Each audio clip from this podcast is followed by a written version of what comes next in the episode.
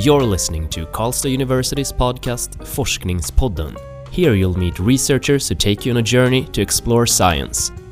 The podcast is brought to you by the publishing support team at Karlstad University Library.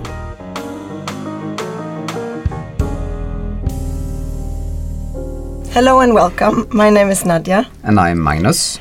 According to Wikipedia, the social networking service Twitter is one of the 10 most visited websites with around 300 million active users. And the Twitter character restriction has fostered innovative uses of language. And it is this sometimes peculiar Twitter language that we will actually discuss today. Um, we are joined in the studio by you, Peter Wikström, uh, who you are a new doctor in English here at Karlstad University. Um, welcome. Thank you. Pleasure to be here. uh, the first question is um, the title of your thesis is I Tweet Like I Talk um, The Aspects of Speech and Writing on Twitter. Can you tell us what it is about? Hmm. Uh, well, the idea is that the title sort of is supposed to communicate roughly what it's about. Um, so th this is a, a, a thesis in uh, English linguistics, uh, and I'm focusing on communication in social media, especially on Twitter. Um, and what I've sort of developed an interest in is especially uh, aspects of how we traditionally think about what spoken language is like or is supposed to be like, what written language is like and supposed to be like, and how these things become a sort of hybrid in social media uh, discourse. Okay, your subtitle is aspect, aspects of speech and writing, and you even put speech before writing. Mm -hmm. um, can you describe the relation between speech and writing on Twitter? Like what mm -hmm. you said, it's a hybrid, mm -hmm. but can you develop it a sure, little bit sure. more? Um, so, so in, in my general sort of theoretical background for, for the empirical case studies that I'm doing, uh, I, I try to paint a broad picture of some of the traditional ways in which uh, speech and writing have been described, and they often tend to be described as contrasting pairs um, in, in language philosophy, in linguistics, in communication studies, etc. Um, and basically, we, we tend to say first and foremost, speech comes first. Cultures are always oral before they are literate. They always develop spoken uh, signification systems before they develop written signification systems. Um, so a basic premise very often is that speech is more original, foundational. It is the basis of, of how natural language works. And then writing uh, is sort of a technology that cultures develop. Uh, and often writing is thought of as a sort of secondary system for rep representing speech so a derivative of speech. Mm. Um, however, in other ways, we actually, especially nowadays, privilege writing and we give a sort of uh, a prestige to writing. Writing becomes associated with education, with science, with values of objectivity and uh, analytical reasoning. Uh, whereas spoken interaction is informal, casual. It's for managing personal relationships, not the business of governments or of science. Um, so there are all these interesting ways in which speech and writing are played off against one another. Um, uh, when it when it comes to basic language norms, and I think what makes it particularly interesting to investigate a new social medium like Twitter in this light is that a lot of the uh, discussions we have about how to deal with social media today and a lot of the values that we express about social media in, in the public sphere, uh, they sort of have to do with these kinds of norms. Um, we are suspicious of social media as, as platforms for information, for news, for knowledge, for facts like the debate about alternative facts now. Mm -hmm. um, and instead, we maybe think of social media as being more for personal relationships, but we don't really think that they work that way either. We're also a bit suspicious about how authentic your Facebook friends really are. Are these real friends? Are these real personal mm. connections? So, in that sense, it can seem like these sort of hybrid uh, social media they fail both as writing and as speech. Mm. Okay. So somewhere in Hmm. between, but nothing real, kind of. Yes, yes. Yeah. Okay. Um, I mean, there are millions or billion tweets out there in the world. How did you go about? Like, how did you choose the ones that you wanted to look at and Mhm. analyze? Yes. Um, so my, my thesis consists basically of um, four empirical case studies, and mm, they are mostly fairly focused on limited samples, and I focus mainly on qualitative analysis. Um, and I've tried to do stuff like targeting specific structures, getting a limited data set, and trying to work closely with that. Um, in one case study, the the sampling is really highly arbitrary. I simply manually collected interesting examples of hashtag uses, where interesting basically means these hashtags seem not to really function, let's say, as information categorizing devices or like kind of in informational metadata. They seem instead to have some kind of social, expressive, communicative Mhm. function. Can, can you give an example? Right. Uh, so so uh, that case study um, I titled hashtag uh, sorry not funny, uh, which was from a tweet by comedian Sarah Silverman, posting a tweet about um, I think uh, in commemoration of, of the events of 9/11. Oh, okay. Normally, her Twitter account is of course focused on on, on uh, comedy, on being funny, on on satirizing things. In this case, she wanted to signal that this is a serious post. At the same time, she has to manage the expectations of her audience, and she really doesn't want this to be taken as a, as an attempt of like lampooning 9/11. So she has to add some kind of qualification, and she chose the hashtag format to do that to sort of apologize to her audience for failing to meet their expectations. So there, the hashtag is more like a, a meta comment that clarifies her intention with the Mm. tweet, and it manages audience expectations rather Mm. than managing information or, or anything like that. Okay. Mhm. Interesting. so, uh, and so that was basically one of the studies. Can you tell Mhm. us a little bit about the other studies as well? Sure, sure. Um, so two of the case studies were about um, various ways in, in, in which Twitter users sort of use typographic or visual resources for what I call animating uh, their discourse. Um, and let's see, I'll have to take a step back to explain what, what, what that really means. I'm focusing on what we often call reported speech. So when we say things like, he said blah blah blah, and then she said blah blah blah. Uh, and I'm focusing especially on informal structures for doing that. So um, when you say, I, I was like yada yada, but then she was like, oh no, um, right? So we do that all of the uh, all the time in, in spoken interaction, especially in informal spoken interaction, to tell stories. But when we use those formats, like I'm like, she was like, Mhm. he was like, we often add these performative dimensions where we we imitate someone's voice or we imitate sounds that they made or we imitate Okay. gestures Mhm. and like bodily expressions. So um, that kind of reported speech in talk uh, is very much an embodied and expressive format. So my basic question for these two studies was wh- what happens to this format when it's transplanted into Twitter, which is very, uh, so to speak, modally restricted. Mhm. Right? you, you can't really express yourself bodily on Twitter. Mm. And as it turns out, they don't uh, eschew or skip this performative dimension, but rather they find other strategies for doing it. Mm. Like, okay, interesting. yeah, so so respelling words, um, a- adding multiple letters to a word to signal that, sort of as if you're lengthening a sound in speech. Mhm. Of course, you use emojis and things like that for Mm. this, but you could also insert a, a, a, an animated GIF image. Uh, all these different strategies that actually get tacked onto these uh, speech reports in order to to add this performative dimension to them. So this would be one in, in th- of the ways in which you see social media users finding strategies for doing some of the things that you would normally only expect to see in face-to-face Mm. interaction Mhm. and which you would normally not expect to see in typical writing.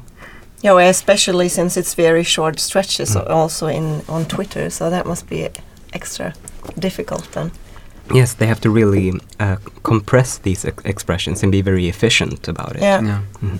So, you, do you see that uh, this sort of novel use of language on Twitter does it spill off in on, on the everyday use of language outside Twitter in yeah, Um, IRL, so to speak? or Well, in, in in some ways, very obviously, like you see people actually say stuff like ha- hashtag OMG ah, yeah. in speech, Yeah. Mhm. um, but that's a, a, a bit trivial.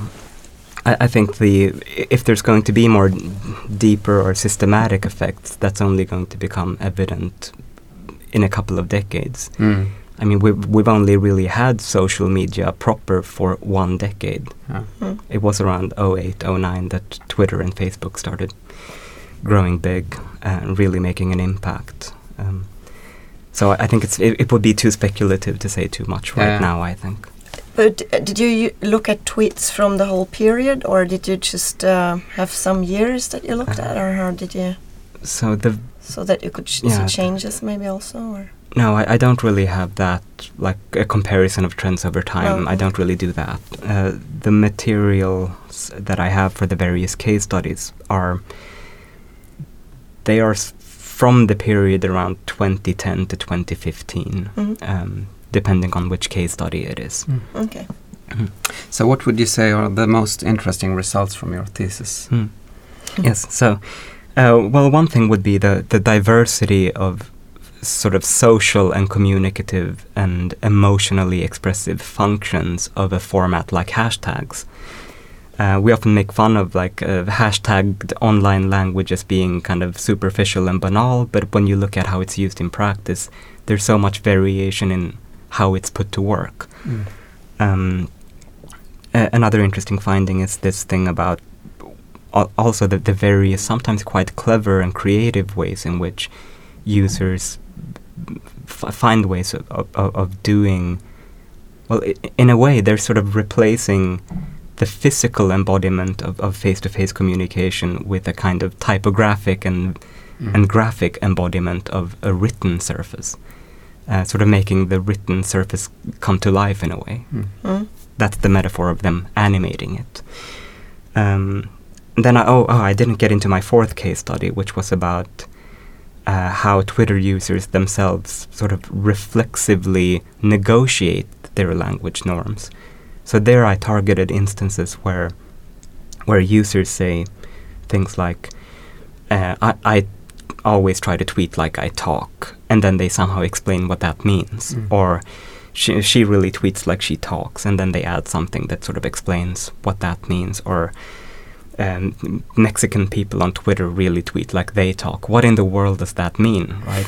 so this case study is entirely about looking at instances where Twitter users say things like that, and then seeing what's going on Mm. and mostly of course they don't have a point to make about linguistic structure or anything it's not um, it's not sh- she tweets like she talks she uses so many personal pronouns uh, but rather it tends to have to do with norms Mm. so uh, it has to do with things like uh, she tweets like she talks she's really being authentic in how she represents herself Okay. uh, herself. Uh, and in that study, I think that's one of the more theoretically interesting findings is that sort of in the my, on the micro level of how individual users negotiate language norms on Twitter about Twitter, you you see how they reflect these big topics in in language philosophy and things ab- about things like the assumption that spoken language is more original and authentic and written language is secondary and a representation of speech. Okay.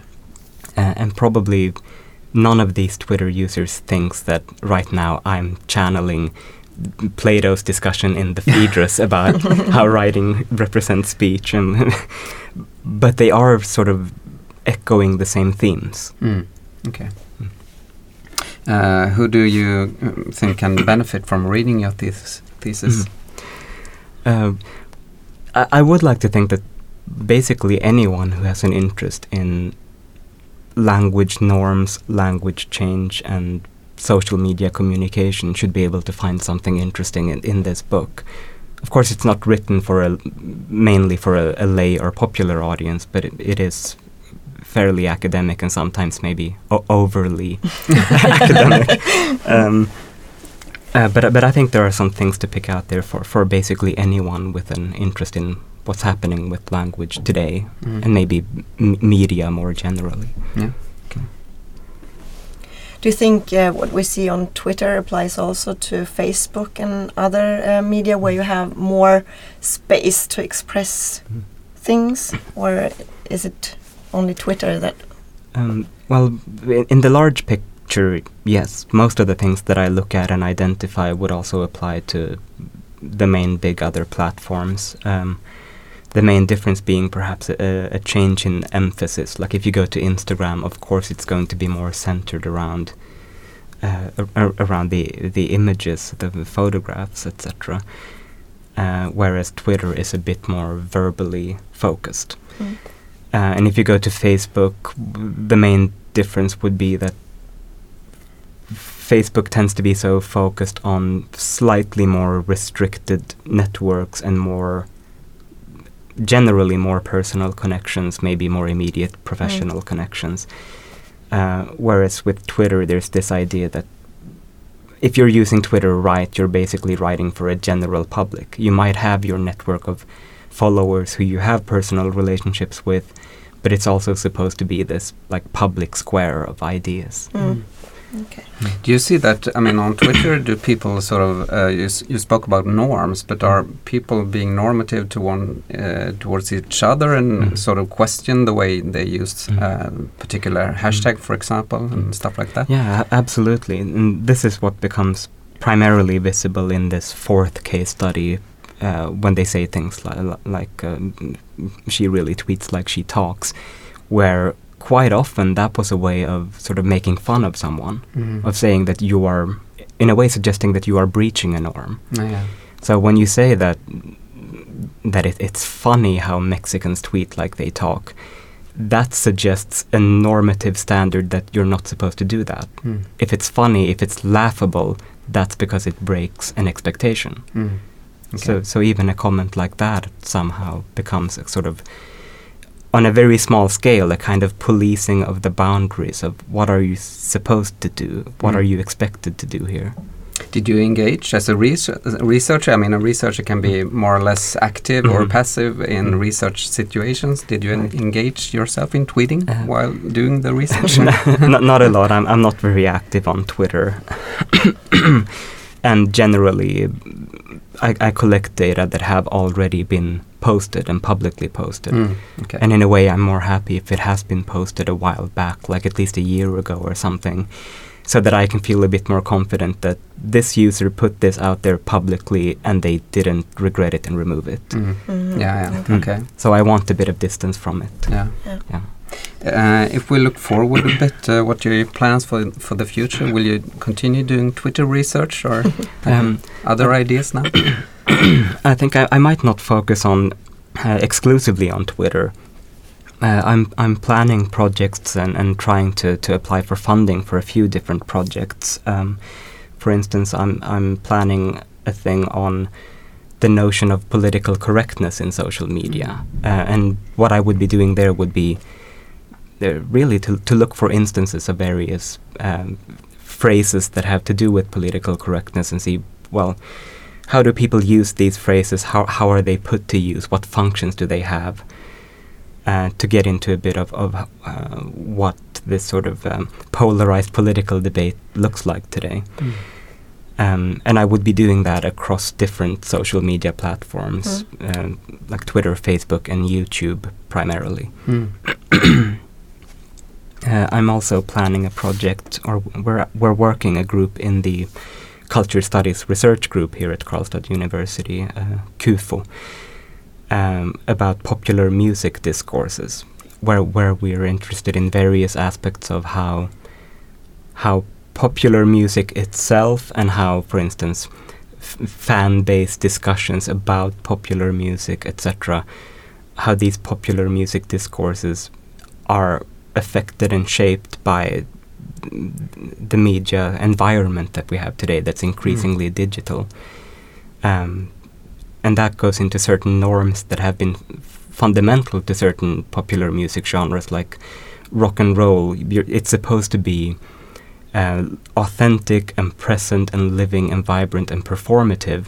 Well, what happens to that ethos of authenticity and liveliness in the digital era when increasingly these things are from the bottom up digitally produced, Mm. um, where there really is no original Yeah. Mm. and there is increasingly no presence. Everything is sort of hyper mediated. Yeah.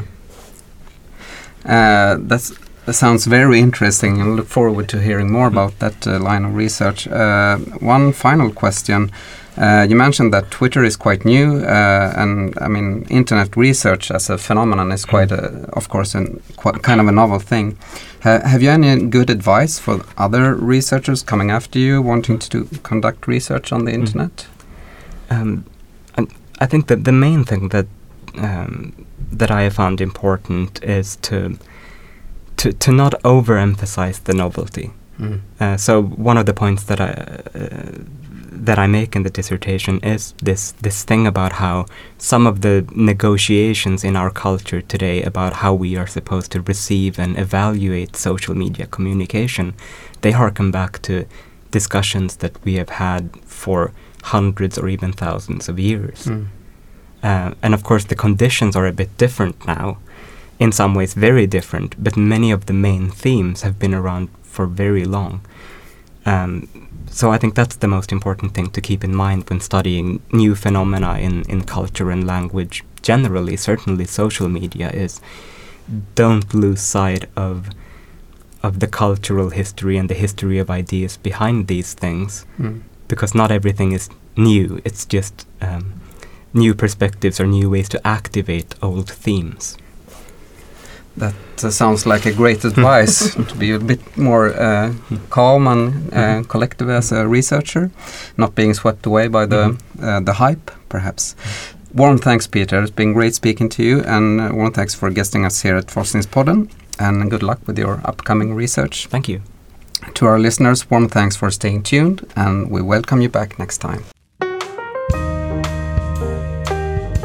You have listened to Karlstad University's podcast Forskningspodden. The podcast is brought to you by the publishing support team at Karlstad University Library. All episodes can be found at cow.se slash forskningspodden.